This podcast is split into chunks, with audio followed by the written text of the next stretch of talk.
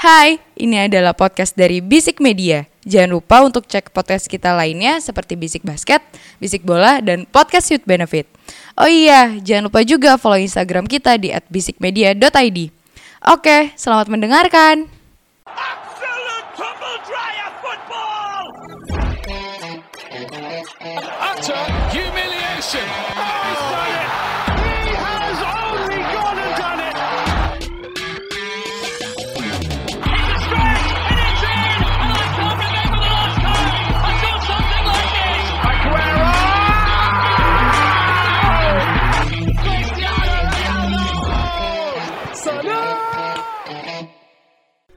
Bisik bola. Selamat datang di Bisik Bola, sebuah podcast sepak bola yang bahas bola-bola bola dari Eropa. Sampai bupati punya kerangkeng manusia. Kita bahas secara meli tanpa melihat kemanusiaan. Tapi tidak alergi vokalis yang mau jadi presiden. Yang suara sumbang tidak terdengar di stadion. Sebuah satir dari Bapak Gubernur kita. Gue oleh kagak ngeh tuh lawakan itu pas lu bilang anjing iya juga ya bang. tidak ada suara sumbang yang terdengar. Tidak ada suara semua yang terdengar. Gila-gila. Kembali lagi di Bisik Bola masih bersama gua ada Agus Anugrah di sini, ada rekan gua. Assalamualaikum. Baik lagi sama eh, Thomas Gusti. ya? Sedap so Mas Oh, Gusti. Hakim Gusti. Hakim yes, Gusti. Yes, alias Iwo di sini ya, ya, Hakim ya, Gusti. ya, ya. Yang tidak main di Afcon ya, kebetulan ya. Tidak dipanggil. Tidak dipanggil. Maroko belagu banget anjing. Pemain segede Ziyech nggak dipanggil. Ngomong-ngomongin soal eh, yang terjadi sekarang-sekarang, kayaknya alangkah lebih baiknya sekarang kan kita eh, by the way sekarang kata kita di tanggal 28 Januari, kurang lebihnya tiga hari lagi transfer, jual beli pemain, pinjam meminjam, balikin ngebalikin pemain akan selesai di semua liga Eropa Yes. udah banyak yang fix, ada juga beberapa yang rumor. Dan PHP juga ada ya. Ada yang PHP juga, nanti akan kita bahas sedikit-sedikit. Mungkin kalau sekarang kita mau mulai eh, setelah di gencar-gencarkan mau ke Premier League nih. Mau ke WM eh, mau ke Emirates Stadium ceritanya. Oke. Malah ke Turin. Kasihan sih gue Lagu lama kaset rusak ya. Iya, emang Lagu udah lama, standar kalau udah tim itu tuh pasti selalu kena PHP. Dusan Vlahovic akhirnya resmi menjadi pemain Juventus. Eh, berapa ya transfernya? Gue lupa. Opsi pinjam dulu ya? Apa gimana sih? Seperti biasa. Iya. Masih pinjam dulu, kepemilikan bersama mungkin. Ah. Tapi emang selalu gitu ya kalau misalkan di transfer Januari itu pasti eh, biasanya opsi pinjam, eh sorry, eh, pinjam nanti opsi beli di akhir musim. Drive. Eh, di sini eh, kita lihat dari eh, Instagramnya Aduh, gue pengen itu lagi ntar salah lagi. Eh, Fabrizio Romano aja dan standar-standar Nggak aja. lagi- ya. Ya. Itu ternyata ya bener eh, loan. Tapi nanti full agreement-nya itu di 75 juta. Wow, 75 juta mahal euro. juga. Lumayan, Lumayan lumayan. juga tuh sekelas itu ya. Ini kayaknya baru, gue nggak tahu ya mau ya. Mungkin Dusan Vlahovic ini baru setahun atau dua tahun Naik. terdengar lah namanya. Menurut lu kepindahan dia ke Juventus worth it nggak? Kalau bicara Vlahovic waktu sebelum eh, Mas datang di podcast ini kan Oke. kita punya caster yang suka Itali kan. Iya iya iya betul. Dan Vlahovic ini yang udah sering dimention terus. sudah di-mention. Ya, sama rekan kita Ahmad Hmm. Smith. Memang secara umur masih sangat muda. Ya. Ini salah satu racing star yang ada di Serie A gitu kan. Gue belum melihat di catatan torehan golnya, tapi dari melihat eh, postur tubuh dan melihat gue sedikit melihat cara main, sepertinya perpindahan dia ke Juventus ini lebih ke dia nggak mau gambling. Banyak sekali tanpa dari Liga Italia Ke yang Inggris. gagal ketika Premier League. Betul. Ya kan? Nggak usah sebutin lah pemain tapi terakhir kan ada lah yang Ada. dari juara Italia ya kan masuk ke juara Champions, Champions League. gagal, Gagal. ya kan? Sepertinya Vlahovic tidak berani dan kebetulan uh, Juventus sendiri kan nggak punya striker. Punya sebenarnya. Alvaro Morata, tapi itu kan striker rasa cover boy aja lah. striker rasa Gila, cover gila. boy aja dan Yang penting pomade tetap nyala kan. Ya, ya kan dan wing wingin wing wing ke ke penonton penonton aja kan yang penting kan. Nah dengan datangnya si Vlahovic ini menurut gue ya ini keseriusannya Juventus untuk kembali menjadi title contender di musim depan. Karena kalau buat musim ini dalam pandangan gue dan gue kan internisti juga ya. Eh, anjay ya. Sebut aja semuanya. Pokoknya siapa pun yang di atas Juventus gue akan ngefans. ya. Kalau yang di atas Roma Romanisti, ya Romanisti. kan. Kalau itu Napoleoni, apa pun lah pokoknya kan. Sepertinya untuk musim ini Juventus gak bisa ngejar Inter, tapi dengan hadirnya Vlahovic yang gak terlalu gambling, semoga ya bisa jadi sukses Juventus. Dan buat gue ini smart move dari Vlahovic. Super smart move. Tapi eh, selalu ada beberapa gue nggak tahu ya kayaknya mungkin yang paling terkini itu menurut gue Christoph Piatek yang di mana dia Piatek. jago di satu klub eh, mediocre bisa dibilang di Genoa saat itu. Dia jadi eh, top score klub bahkan kalau nggak salah juga di top score Serie A. Iya. terus dibeli Milan malah amburadul. Sampai akhirnya sekarang terakhir itu dia di Bundesliga kalau nggak salah. Gue lupa. gue di ini eh, Hertha Berlin. Hertha Berlin ya nah itu dia maksud gue Tumben Agus Spiltak lupa pemain Bundesliga. Ya, yang penting dia pernah ke Bundesliga. Cuman gue lupa terakhir klubnya apa. Aduh, Hertha Berlin. Siapa yang tahu nih? Satu-satunya klub ibu kota di Eropa yang kayaknya nggak nggak menarik kayaknya untuk dibahas. Betul. Itu maksud gue. eh, kita udah sempet udah udah ngelihat ke belakang bahwa ada satu striker yang top eh, main di eh, klub mediocre yang bisa jadi top skor ketika main di tim gede malah eh, bisa dibilang menurun gitu loh.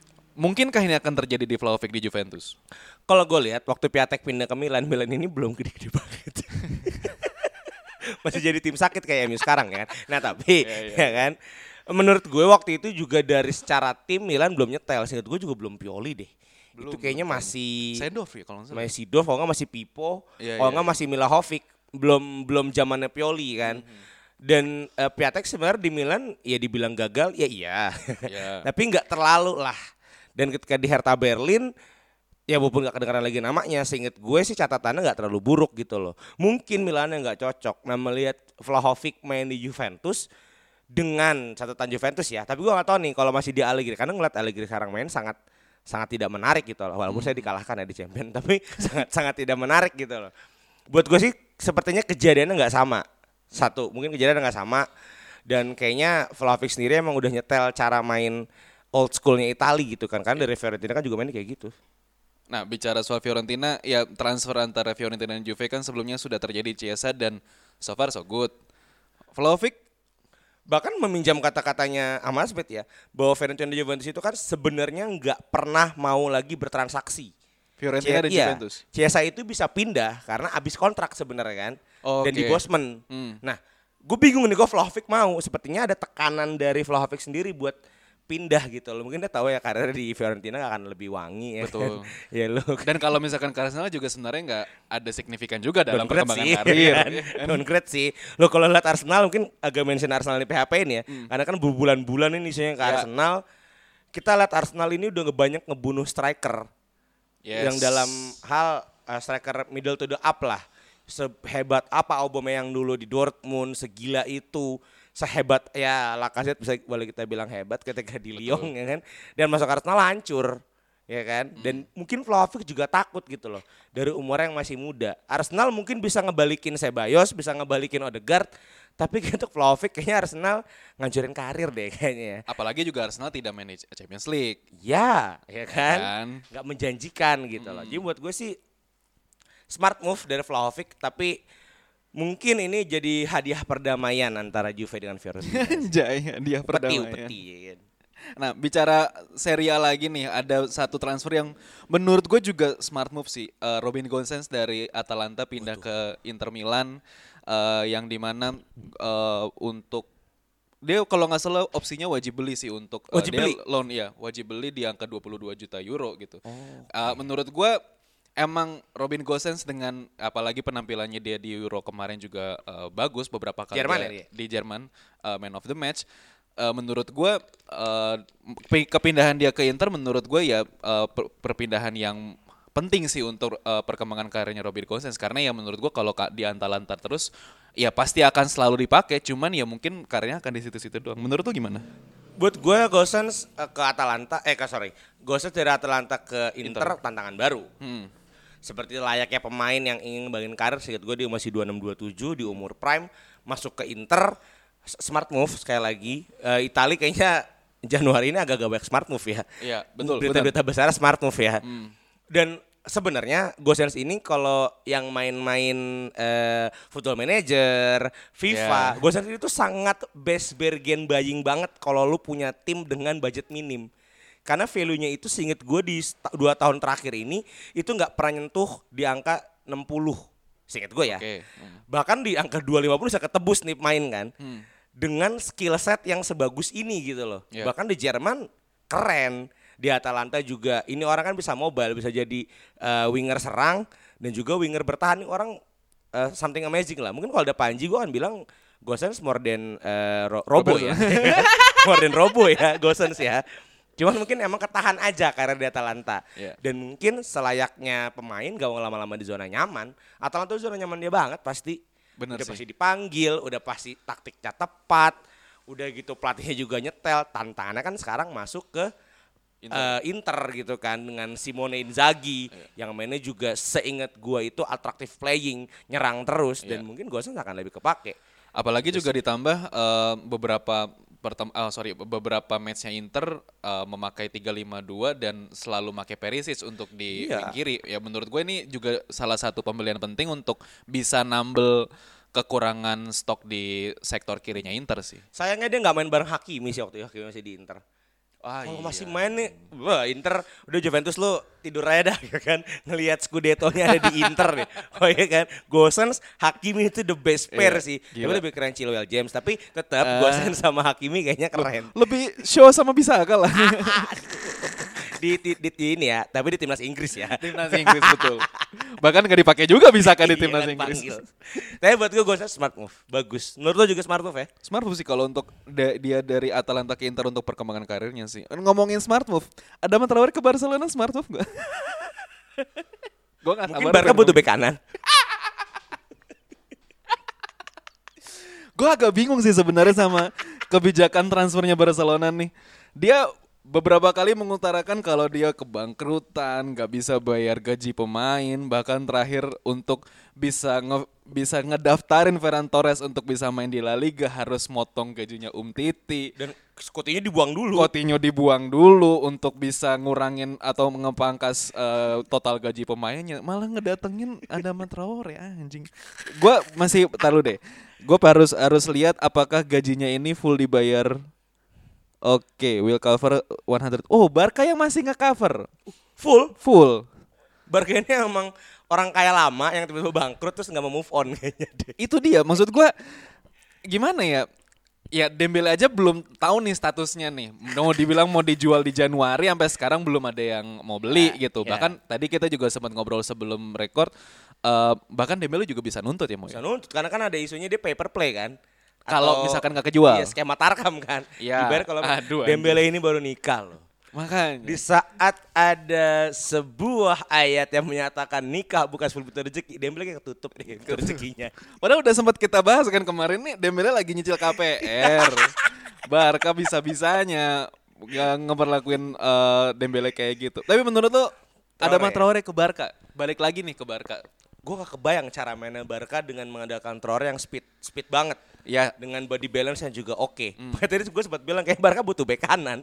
Kayaknya Ya. ngeliat Traore, Traore itu buat gue lebih tepat. Kan waktu itu isu, isunya tetap ke Spurs kan. Lebih tepat dia ada di Spurs yang mainnya speeding.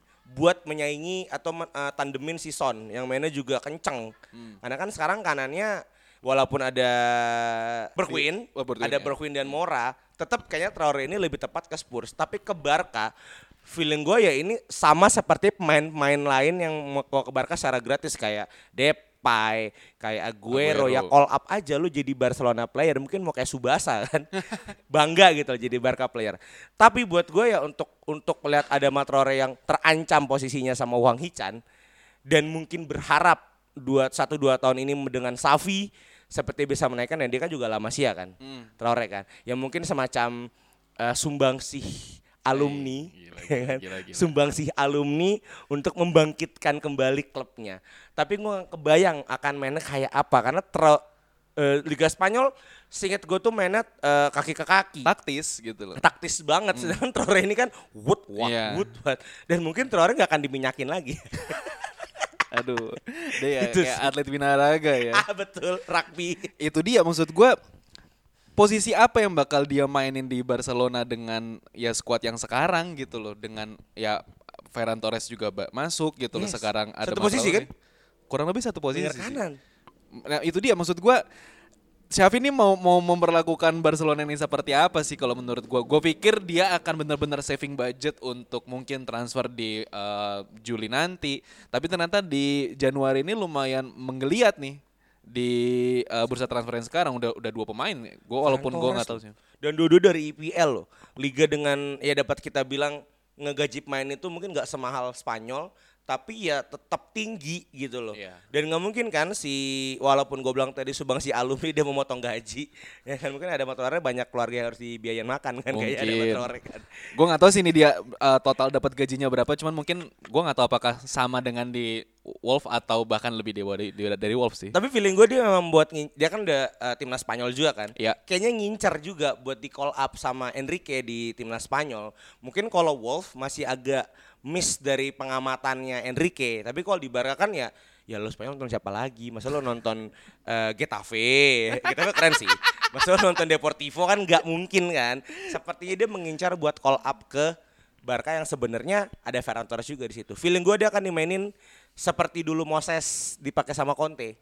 Oh, Winger oke. kanan serang tapi dipakai agak mundur buat uh, nyuplai ke si Torres. Kalau dengan formasi ya, 3 back ya. mungkin gitu loh atau 5 back, 5-3-2 kan. Eh iya 5-3-2 Iya, benar 10 ya 5-3-2 benar. kan?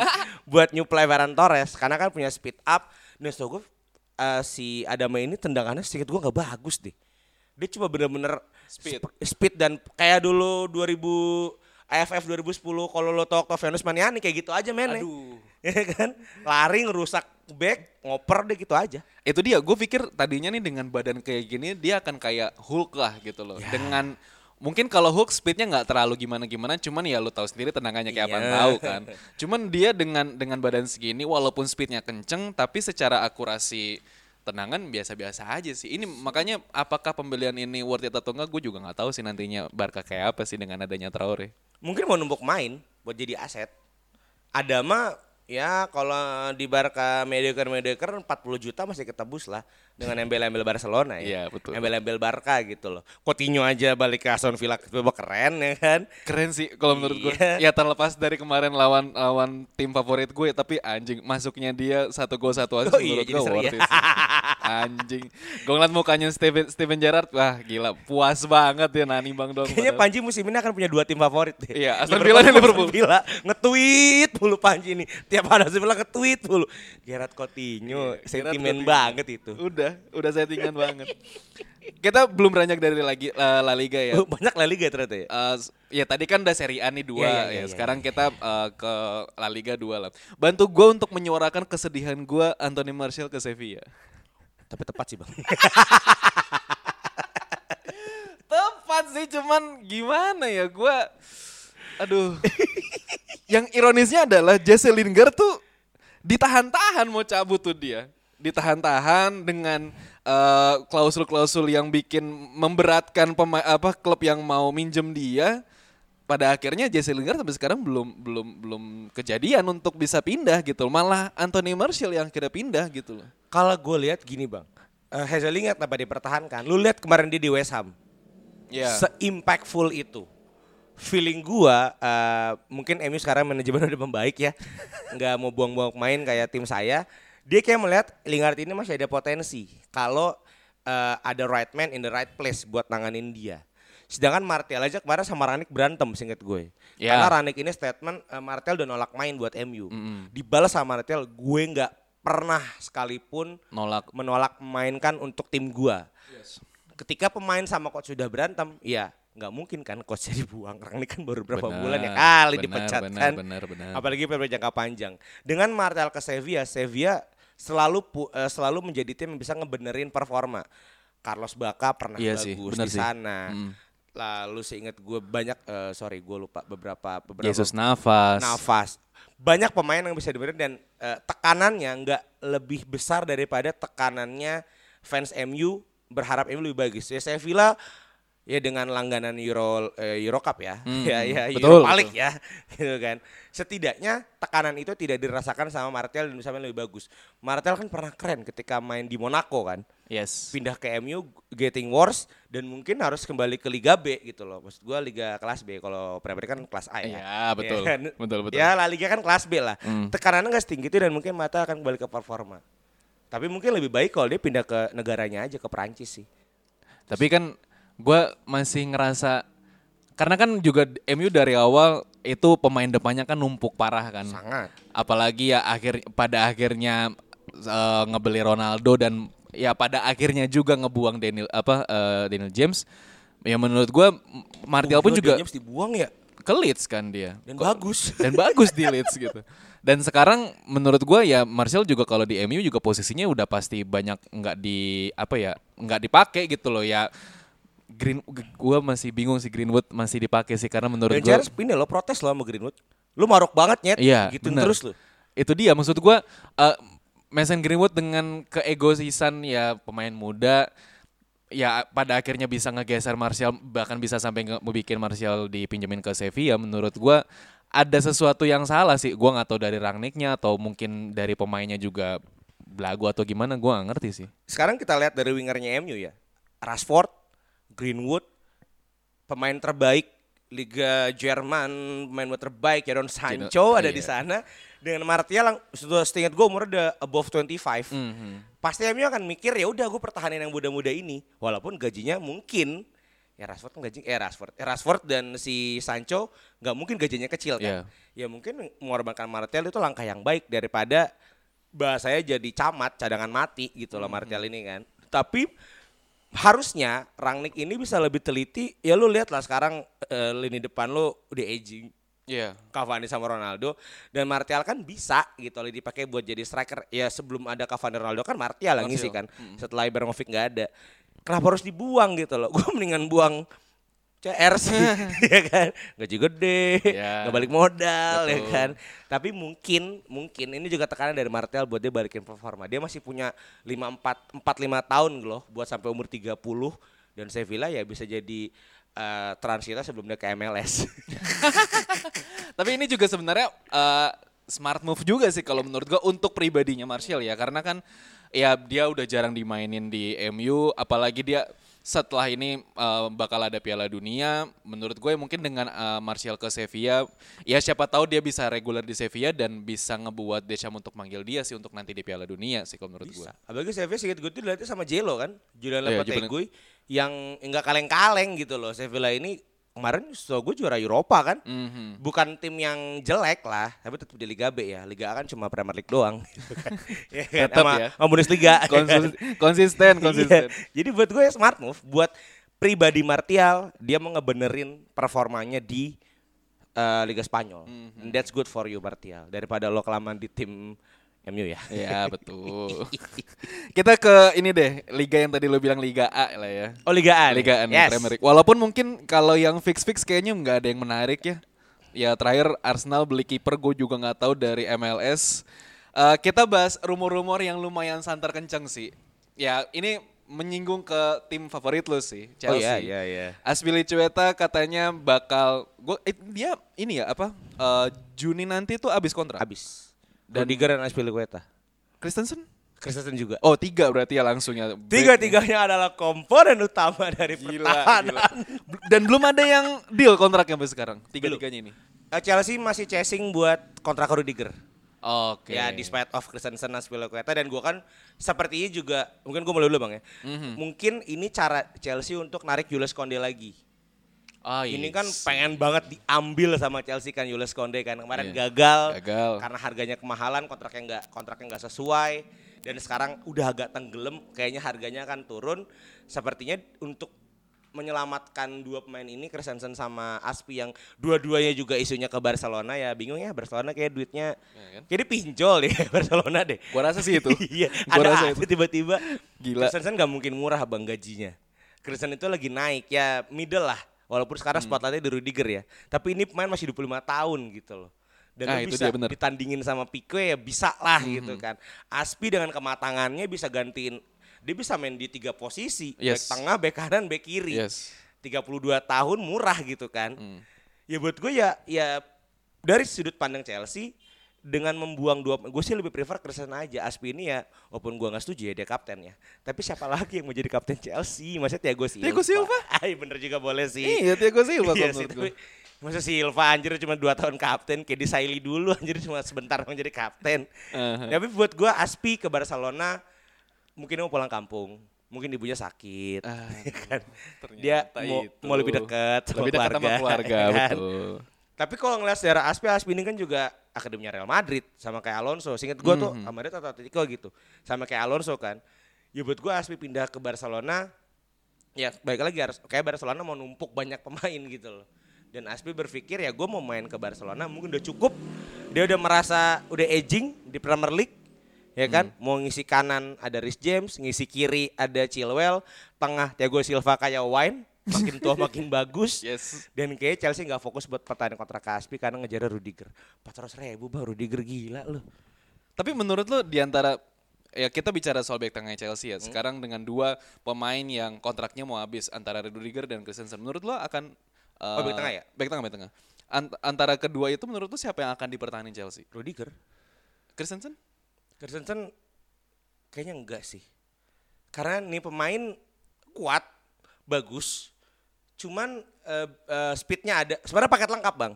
Cuman pelatih itu kayaknya kebingungan pakai orang ini buat role apa apakah dia nonsense center back Hmm. atau dia BPD ball playing gitu loh. Rudiger kan fix dia itu di ball playing Ball buat playing. maju kan. Silva yang di belakang. Kalau Christensen main sama Silva body sama-sama gede, speednya beda tipis. Memang gue sih mending pertahankan Rudiger gitu. loh. Walaupun umurnya jauh lebih tua ya, Rudiger 28 29. Yes. Christensen masih 25. Dan dengan ada Project Konde, ya, ya Christensen nih makin nggak bisa kepake gitu loh. Dan selagi harganya bagus ya mending dijual sih di Ya, Januari apalagi- ini bahkan. Apalagi di usia segitu harusnya harga masih tinggi sih ya. ya 40 50 masih masuk lah. Buat nampung-nampung beli striker baru nanti. Iya. Siapa kira-kira nih? Kan Anda dua striker Anda nih sedang bapuk dan tolol ya. Nantinya bakal lu kayaknya sih bakal ngincer striker lagi si Halan. Itu yang masalahnya, Bang.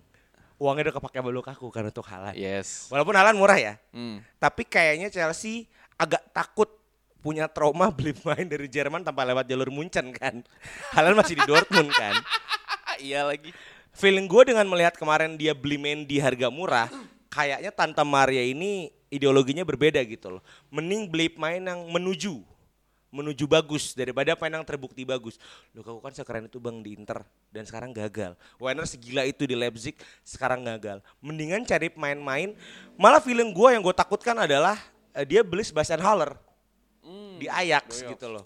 Walaupun gagal ya di West Ham ya. Agak gambling Lukaku juga nih. Iya. Beli pemain gagal di Premier League, bersinar di liga lain, balik lagi ke Chelsea gue juga agak takut. Cuman melihat ya doesn't mean to racist ya. Tapi Chelsea sangat berjaya dengan eh, striker-striker berdarah Afrika. Haller kan ada darah Afrika dan sekarang memilih Pantai Ya. Gading kan. Mungkin mau kembali ke romantisme Drogba dengan beli Haller sih. ya kan. Kalau buat Halan kayaknya udah Halan lo ya gue mau sih gitu loh. Cuman Ya. Gue takut gagal bang. Gue sekarang agak trauma mau main-main harga mahal sih. Mending beli striker 40 juta, 50 juta. Holler ya 50 juta masih mau itu Ajax ya kan. Gue sih pengennya Holler sih. Sebastian Holler sih. Nah, dengan budget Atau Harry segi- Kane. Ya, masih. Mesti dicat hitam dulu dong. Enggak juga. Oh enggak juga ya. Nah, dengan harga 40-50, bawa balik Temi menurut lu gimana? Ah ini gue juga takut nih. Temi anjing bagus banget sekarang. Jago nyet, bangsa sekarang di Roma. Itu. Makanya. kan satu Temi untuk main di Liga Inggris agak kurus. Gue nggak melihat striker sekurus Temi. Seinget gue yang sekurus itu ya Peter Crouch dulu.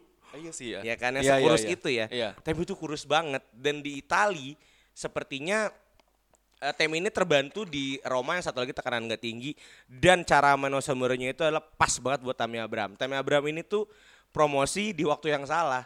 Andaikan dia 2015 sih gue masih muda banget ya 2015 ya. Andaikan ketika Mourinho masih ada dia main, kayaknya akan seperti di Roma ini. Mungkin Tami akan 2-3 tahun lagi sih dibeli Chelsea ketika nanti udah punya striker besar dan Tami dipersiapin lagi. Mungkin akan dibeli, tapi 1-2 tahun ini biarin dia puas dulu di Roma sih. Ya walaupun sama-sama ibu kota ya.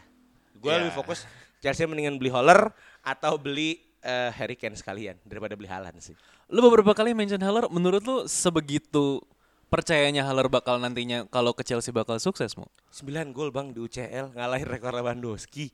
Ya dia Itu gila loh. terakhir kuatrik anjing Iya lawan kan? basic eh basic tas apa lawan siapa? Itu gila loh. Sebastian Haller lo gue anjing nih.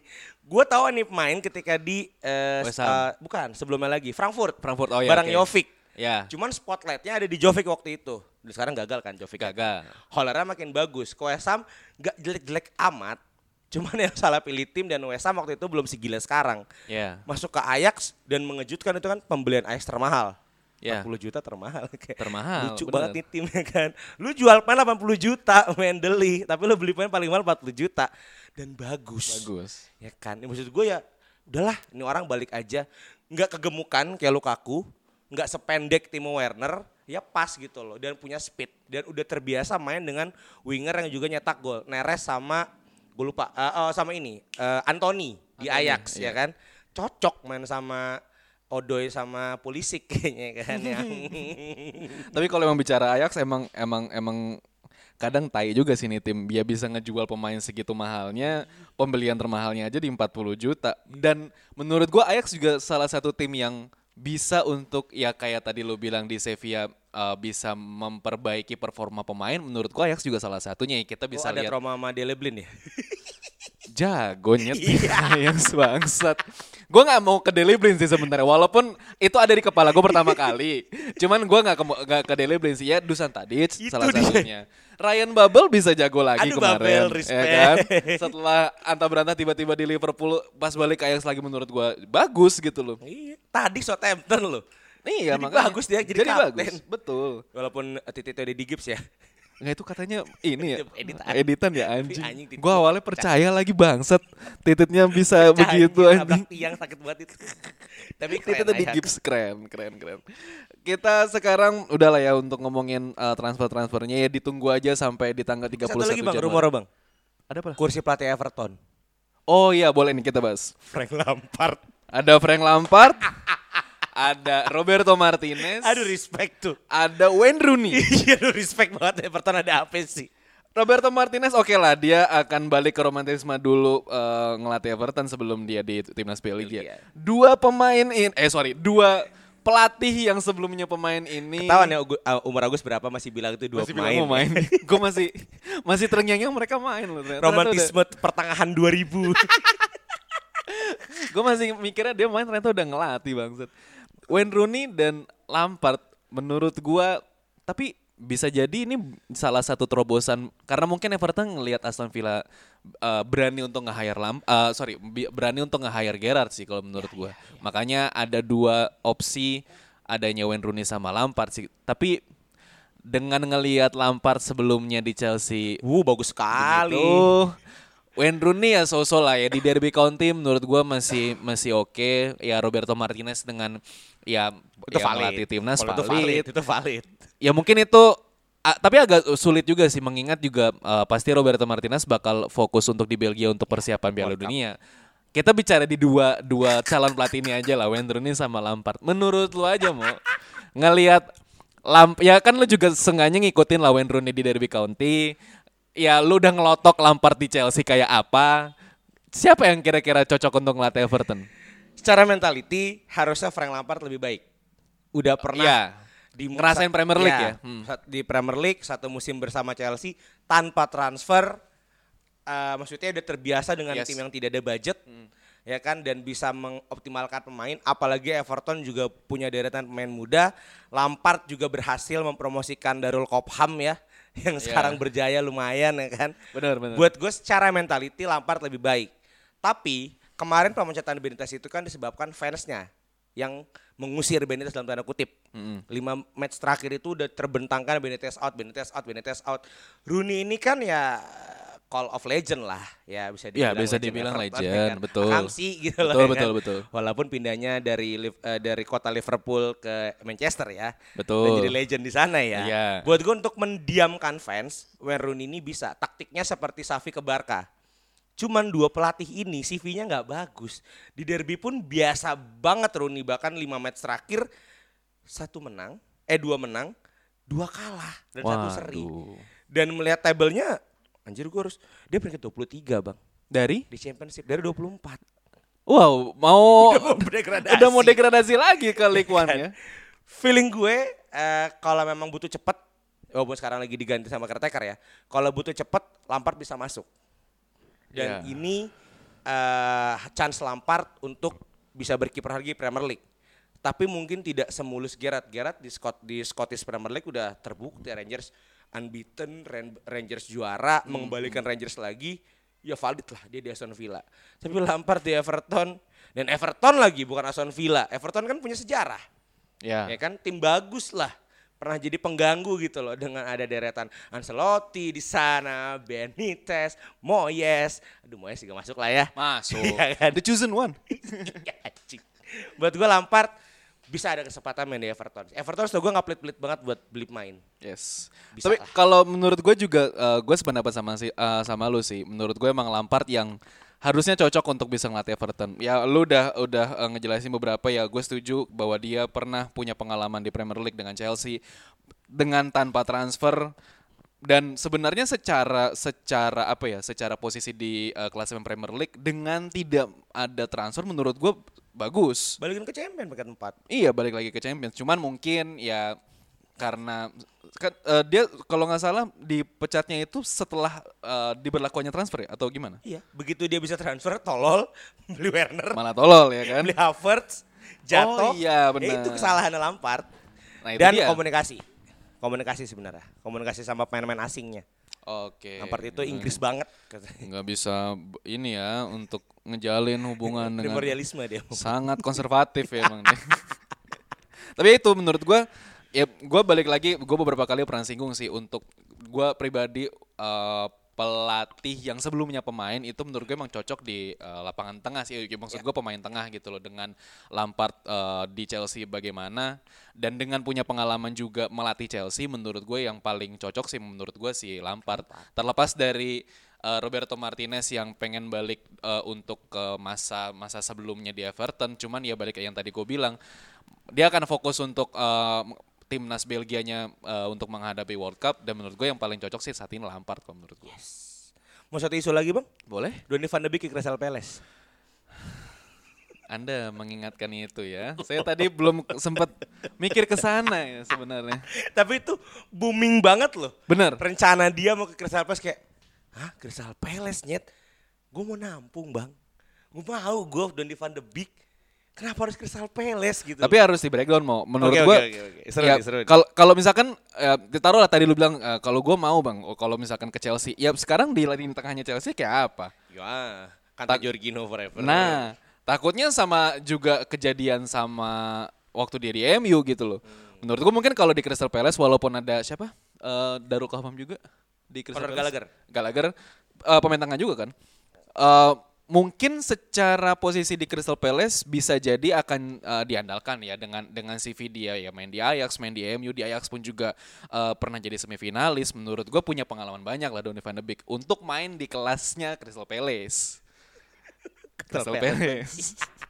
ya untuk nyari main reguler menurut gua eh, patut dicoba. Harus di Crystal Palace. Karena ada emang kalau gua ngelihat eh, di transfer ini ada beberapa pemain yang rela untuk dalam tanda kutip turun kasta. Menurut gua untuk ngejaga asa dia untuk bisa main di World Cup ya tadi Anthony Martial, ya sekarang Van, Donny van de Beek. Kalau menurut gua ya ini untuk ngejaga asa dia bisa dipanggil karena Iya sih benar. tengahnya Belanda udah kayak pantau ada Gravenbach, ada iya, ya. Frankie De Jong. Menurut gua kaya ya tengahnya ya. tengahnya kayak kaya ya Donny van de Beek pasti akan ngerasa Iya. terancam lah posisinya kalau menurut gua. Tapi kalau menurut lu sendiri gimana mau? buat gue jangan di Crystal Palace lah. Lu main di tim-tim middle. West Ham di tengahnya itu singet gue eh eh, Yarmolenko, sorry, Pablo Fornals. Buat gue bisa buat ngisi Ham yang masih big five gitu loh. Atau Tottenham mungkin. Ngegeser tangguin Dombele, Dele Ali masih bisa. Kenapa harus Crystal Palace itu drop banget? Gitu loh. Lu dengan CV Ajax MU lu ke Crystal Palace.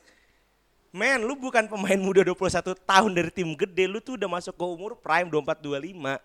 Atau at least jangan ke Crystal Palace, lu ke liga lain ke Liga Jerman mungkin bisa. Ya kan atau lu pulang kampungnya ke Ajax, ya kan? Oh ya, Ajax mungkin masih mau nampung ya.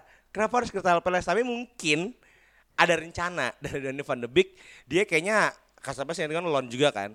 Mungkin mau balikin performa nanti di Juni atau Januari musim depan dia akan ditawar sama big team. Feeling gue Juventus.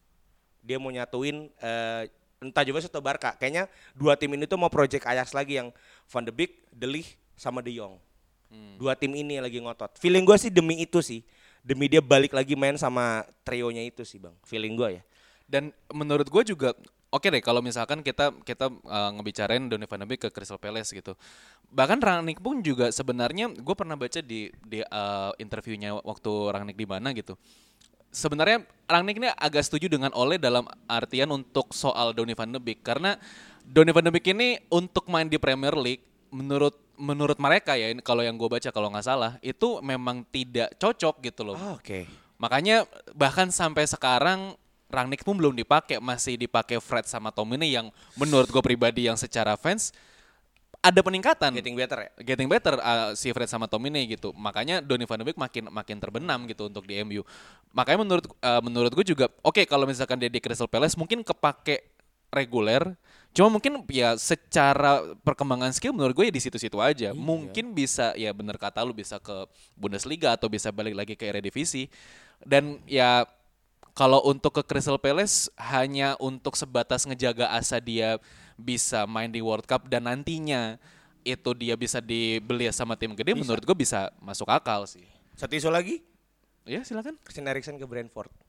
Oh ya, Dan udah latihan di Ajax sekarang. sedang latihan di Ajax dan di Brentford juga dia ini lama ya untuk tes medisnya. Iya dong. Karena Lama harus ada dong. beberapa pemeriksaan lebih lanjut. Takut-takut apalagi Premier League liganya kayak Nah, begitu.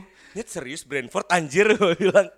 Ini tim mainnya cepet banget. Ya. Kedua tekanannya tinggi di Premier League. Betul. Ngeri-ngeri ini gue mau dark gue takut tapi ngeri-ngeri kolaps. Serie A aja yang liganya mungkin nggak se-speed atau nggak sekenceng Premier League aja nggak bisa mengizinkan Erikson untuk main. Apalagi nih ke Premier League lagi walaupun di Brentford ya mungkin dia dia nggak mau nyari tekanan lain sih takut jantungan lagi dia mungkin ya. Ini BU deh Erikson. Satu mungkin BU, kedua takut lupa cara main bola. Mungkin. Umur masih segitu. 29. Masa ya harus pensiun di ini? tapi bakal bagus kayak di Brentford menurut lu bang? Kalau bakal mencolok pasti mencolok untuk di Brentfordnya ya. Cuman kalau untuk bisa ngangkat Brentford, apalagi juga tapi sekarang Brentford juga Tengah-tengah. posisinya nggak nggak terlalu jelek lah ya. Nggak terlalu Eh, untuk tim yang baru promosi eh, ke Premier League menurut gue posisinya sangat bagus gitu loh. Aman, aman. Aman, Masuk ke zona aman. We can say that Dusan Vlahovic to Juventus from Fiorentina, it's a here we go. Ya itu tadi udah kita bahas semua eh, transfer-transfer yang Banyak baik ya, yang sudah ya. fix. Ya. Emang enak kalau udah ngomongin transfer baik itu yang fix ataupun yang sekedar rumor lah ya. Ya ditunggu aja eh, di tanggal 31 nanti apakah ada transfer-transfer mengejutkan. Mungkin sekarang Fabrizio Romano lagi banyak minum energy drink bang. Wah parah. Mau begadang. Gue gak ngerti lagi. Dia eh IG story-nya udah kayak Dian Sastro dulu anjing. Gila. Titik-titik-titik gua gokil. Tapi respect sama Romano beberapa info-info transfer pertama kali gua dapat dari dia. Eh gue pengen bahas ini sih mau. Ya, kita bicara soal kehidupan lah ya. Iya ya oke. Terkadang emang jadi orang denial itu ada untungnya, tapi ada kayak ada rasa sesalnya sih untuk bisa denial. banget. Gue awalnya denial kalau ah Tottenham tuh tim gede ah. Tottenham tuh pernah semifinal loh. Iya. Pernah final. Final. bahkan. Pernah final di Champions League. Tapi setelah kekalahan kemarin 2-0 lawan Chelsea, ya nanti dulu pasti juga banyak input apa karena ngelawan Chelsea ya. Kayaknya nggak gede-gede amat deh Tottenham. Kalau di breakdown ya dari Aduh anjing lucu banget. ya I don't know sekarang gue nggak tahu ada big six atau big seven lah di Premier League kesemuanya tuh menurut gue punya punya nilai ah, punya value yang bisa dibilang kalau dia ini tim gede gitu Even itu West Ham ya. Ah, ya dia bisa jadi West, West Ham musim ini. Ya, West Ham musim ini oke. Maksud gua gini loh, kalau kita breakdown satu-satu, MU walaupun dengan sekarang posisi dan eh, manajemen yang kacrut marut dan segala macem, ya dia punya value ya sangat gede lah value-nya ya dia klub terkaya, ya dia punya eh, pemain legend sekelas eh, Cristiano Ronaldo dan banyak macamnya lagi dengan historinya yang cukup panjang. Chelsea terakhir juara Champions League. Eh, bahkan dalam mungkin eh, satu dekade terakhir dia udah dua kali Champions League. Sukses. Sukses sejak ked- kedatangannya Abramovich. City yang bisa dibilang lumayan eh, walaupun instan tapi instan berhasil ya. Sangat ejakulasi dini. sih. Sangat ejakulasi dini dengan Guardiola eh, beberapa kali udah eh, menangin Premier League. Eh, Liverpool walaupun sekian puluh tahun nggak juara, sekarang akhirnya ngerasain juara lagi dan sombongnya bisa sampai 20 tahun ke depan. Yes. Ya punya pemain sekelas Salah, Van Dijk, Alisson dan segala macamnya. Eh, siapa lagi? Eh, Arsenal walaupun menurut gue salah satu yang masih bisa dibilang Arsenal tim gede adalah satu-satunya tim yang pernah invisible. Yes. Itu dia. Ada rekor bagus. Ada rekor bagus. Walaupun secara kapasitas pemain ya nggak jauh beda juga sama Tottenham sih. Tottenham dengan segala macam pemain yang menurut gue sekarang kayaknya pemain yang punya level kelas dunia cuman Son sama Harry Kane. Selebihnya menurut gue udah mediocre menuju jelek sih kalau menurut gue. Kayak Everton lima tahun lalu. Iya. Maksud gua ternyata nggak sebesar itu gitu loh. Dengan ya secara sej- kalau kita membandingin secara sejarah, gua nggak tahu terakhir bahkan apakah eh, Tottenham pernah juara Premier League atau enggak. Premier League enggak. Sama sekali. Iya. Sama sekali ya. Sama sekali enggak juara. Karena gue nggak pernah ngikutin sih, nggak pernah ngikutin eh, Tottenham kayak gimana. Secara sejarah nggak nggak bisa dilihat. Secara kapasitas pemain sekarang juga yang tadi udah gue singgung, menurut gue cuma dua yang punya pemain kelas dunia. Ya udah apalagi gitu loh, kalau menurut gue. Tottenham ini emang sakit bang. Satu dia jaya, singkat gue tuh zaman Redknapp 2011 12-an. Ketika dia berhasil masuk ke peringkat 4 tapi nggak masuk champion karena Chelsea juara. Juara Oke. champion kegeser. Ya, hmm. Lalu ketika era lama Pochettino bangkit, membangkitkan Tottenham dengan menelurkan Dele Alli, memoles Harry Kane, Ya. beli Yoris. Buat gue itu the best Tottenham. Hmm. Setelah itu kan sakit. Ketika Pochettino-nya harus pindah, gue lupa ke tim mana berikutnya. Gue langsung ke PSG sedikit gue agak nganggur dulu kan. Oh ya oke. Dan langsung hancur kan. Dele Alli turun performa, Hugo Yoris makin tua. Dia beli Golini dan jarang dipakai. Golini itu kan di Atalanta keren banget. Keren. Dan sekarang Utama loh bahkan di Golini. Utama mengantarkan Atalanta ke Champions Dream kan. Yes. Dan ya udah berkutat di Harry Kane, Harry Kane, Harry Kane dan Son aja buat gue ya itu the best transfernya Tottenham 15 atau 10 tahun terakhir gitu loh. Heung Min Son dari Iya. Leverkusen ya kan bocah Asia hilang ini kan yang juara eh, Asian Cup apa Asian Games demi nggak Betul, wamil ya kan. betul, betul. Buat gue cuma itu ya kan. Sempat punya harapan gue ketika backnya itu duo Belgia di masa lalu. Vermeulen sama Vertonghen. uh, Vertonghen. Itu agak bagus. Agak ya, bukan Agak. berarti bagus ya kan. Dan habis itu hilang. Ketika kemarin lawan Chelsea, tiga tahun terakhir Tottenham tidak pernah menang lawan Chelsea. Seri dan kalah, seri dan kalah, seri dan kalah. Dulu ketika Pochettino, gue takut lawan Tottenham bang.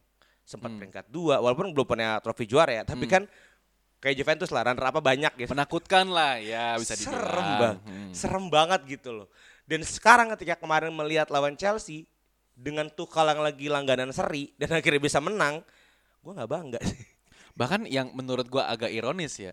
eh, sebelum Conte masuk kan pelatihnya Nuno Espirito Santo. Yes. Sebelum di hire tuh banyak banget klub-klub ah, sorry banyak banget pelatih-pelatih yang dirumorkan bakal ngelatih Tottenham bahkan Conte pun juga sebelumnya juga udah Awalnya. sempat eh, mau untuk melatih Tottenham cuman da- karena satu dan lain hal akhirnya nggak jadi malah Nuno Espirito Santo yang jadi pelatih gitu loh menurut gua ya ya terbukti dia di dipecat cepat karena ya sangat-sangat nggak nggak nggak bisa ngangkat Tottenham jadi bagus gitu loh apa yang salah dengan Tottenham kalau menurut lo Ini gue juga bingung. Eh, memang punya legend Tottenham ini Daniel Levy-nya pelit banget. Ownernya itu pelit Ya. banget, mengalahkan pelitnya kerongkehnya Arsenal. Ya Ya. kan? Meng-hire Fabrizio, Fabrizio Patrici sebagai technical director. Ini di Juventus punya CV bagus. Ini ibarat kata Nadiem Makarim nggak jadi menteri, CEO Gojek. Ini pindah ke CEO Anterin. Nah, lu tau gak tetap Anterin bang? Lu tau gak sih? Iya, Kalau iya. Maxim lu tau gak sih? Iya, iya. Ya kan pindah ke situ. Iya. Ini CEO startup gede, lu pindahin ke startup yang merangkak gitu loh. Hmm. Dan akhirnya gagal kan Patrici. Gua nggak tahu, gua nggak bisa bilang gagal sih. Karena masih ada nanti Januari dengan kebiasaan dia free transfer. Tapi siapa yang mau di free transferin ke Tottenham dengan CV yang kayak gini? Jadi buat gua kegagalan yang mungkin ya karena cepat banget ganti pelatih gitu loh. Tottenham ini mental mainnya nggak kayak Chelsea yang kebiasaan setahun sekali ganti pelatih. yes Sekarang dengan Es Nuno Espirito Santo, CV-nya keren di Wolf, mengantarkan Wolf ke Europa League, bahkan sempat menyentil zona champion, ber- berjaya gitu di Wolves, terus ke Tottenham, dan lu nggak lu nggak bisa beli siapa-siapa. Ini kan hal yang aneh. Conte apa deh? Conte itu pelatih yang butuh banget big money Ya, buat benar. benerin skuadnya. Di Chelsea dikasih duit banyak, bagus. Di Inter kasih duit banyak, bahkan dia keluar dari Inter gara-gara Inter bangkrut kan. Ya, itu dia makanya beberapa kali ya kayak keluar dari Juve, keluar dari Chelsea dan keluar dari Inter karena duit, duit gitu loh, Conte ini tidak matre, disokong. Ya benar, sangat kamu Conte kan. Eh lanjut gimana sorry? Eh, Perek Conte. ya kan? Nah buat gue kesalahannya ada di situ. Sekarang main di Premier League itu butuh big money. Sangat butuh big money. West Ham pun sebenarnya agak big money gitu loh. Ketika dia harus membayar Lingard eh, setengah musim kemarin itu butuh big money. Membeli eh, Leon Bailey itu di Aston Villa ya. Banyak tim-tim eh, Haller dulu sempat beli dari dari Frankfurt. itu juga dengan big money. Buat gue tuh di Premier League kalau lu pengen bersaing lu butuh uang besar dan Tottenham gak bisa ngasih itu. Siapa pembelian termahal Tottenham? Seingat gue masih di Davinson Sanchez. Bell pun juga dipinjemin doang kan. Nggak segede itu uang yang diberikan Daniel Levy. Sedangkan Conte itu butuh uang besar untuk benerin skuadnya. Kesalahannya ada di ya karena saya terbiasa di tim kaya ya. Butuh uang besar untuk mengembalikan Tottenham ke eh, fitrahnya sebagai tim yang menyeramkan itu sih bang. Tapi ya balik lagi ke poin gue yang tadi ya. Menurut gue secara fitrahnya juga Tottenham bukan tim gede sih kalau menurut gue. Ya karena gimana ya? Ya ini menurut gue masih kenceng hegemoni dia eh, Tottenham bisa tembus ke final Champions League ya. Tapi setelah itu ya kepergiannya Pochettino, eh, abis itu beberapa kali ya tampil di Premier League juga nggak terlalu bagus menurut gue. Ya ini tim kayaknya nggak nggak beda jauh sama sekelas Everton. Menurut gue nggak bisa dikatakan sebagai big five, big six, big seven-nya Premier League menurut gue. Leicester aja dengan walaupun bisa dibilang dengan mimpi hayal babunya, tapi dia tetap bisa juara Premier League gitu loh. Hanya dengan pelatih sekelas Rodgers. Yes. Waktu itu Ranieri dan karena Rodgers pun agak bertahan, agak Yes. serem. Yes. Gue lebih takut lawan Leicester bang daripada Tottenham sekarang. Itu dia, maksud gua s- eh, gimana ya? Ya oke lah, banyak orang yang bilang ya Leicester hoki menang karena yang lainnya masih Sakit. kacau dan segala macam. Tapi kan hoki itu harus bisa dimanfaatkan dong. Ya Tottenham saat itu tidak bisa memanfaatkan gitu Yes. loh. Sekelas Tottenham dengan lawan Leicester, tapi Leicester bisa juara gitu. Tottenham dia belum peringkat sama dua. sekali. Peringkat dua ada waktu itu kan. Saat itu peringkat dua. Dan itu lagi jaya-jayanya dia 2016 loh. Ya. Harry Kane masih matang, Dele Alli masih matang dan tetap tolol. masih kalah juga sama Leicester. Men- eh, itu dia menurut gua apa yang gimana ya? Gue juga masih belum bisa nemu jawaban yang tepat sih untuk bisa menggambarkan Tottenham tuh kayak apa sekarang gitu loh. Kalau dibilang dia hemat duit, Tottenham Hotspur Stadium itu udah kebayar. Ya kita ingat lah waktu Emirates dibikin sama Arsenal, Arsenal tuh pelit banget Ya. buat bayar itu. Sekarang tuh udah kebayar, udah lunas gitu. Udah jadi gue. dan udah dipakai juga iya. gitu loh. Gue masih bingung dari Tottenham. Yang buat gue mentality dan ya Daniel Levy lu jangan banyak makan rendang lah gitu loh. Hmm. Takutnya ketularan kan. Aduh. Uh, bahaya juga nih kan. Kayak gitu sih Bang. Pelitnya Daniel Levy itu masalah. Itu biggest problem Tottenham. Ya tadi sih sempet lu bilang Patrici dia bakal jago di uh, free transfer free transfer. Ya mungkin dia pengen ngewujudin mimpinya Tom Holland untuk bisa datengin Mbappe ke Tottenham mungkin bisa jadi kan mau free transfer kan dia. Gratis nih dia nanti nih. Kayak gue nggak tahu sih nih uh, Tottenham bakal jadi kayak apa sih. Ya Bape, Bang.